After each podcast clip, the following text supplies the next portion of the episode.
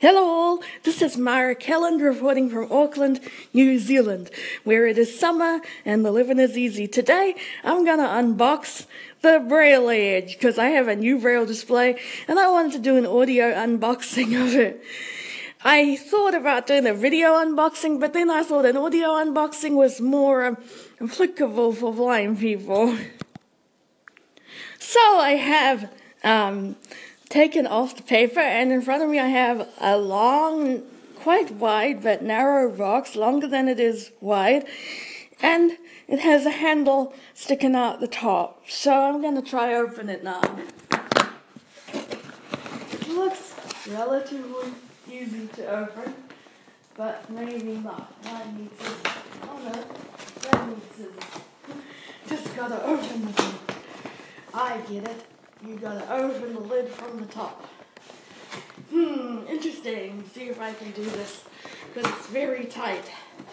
And yeah, that's all I really gotta say about that box. It's, it's very tight. Let's try and open this box. Open this box. Open this box. Open this box. So now I opened one end and I think I can just slide the box inside out of this main box. Which is kind of what we want. Um, okay, small box. Something wrapped in paper. Or rather that see-through stuff. And that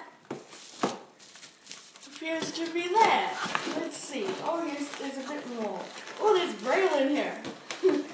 Well, it is a braille edge. it is a braille edge, so there's braille in here, folks, which is like super cool for me to read. I'll just get the last of the box out of the big box, which is kind of cool. Anything more? Nah, that's about it.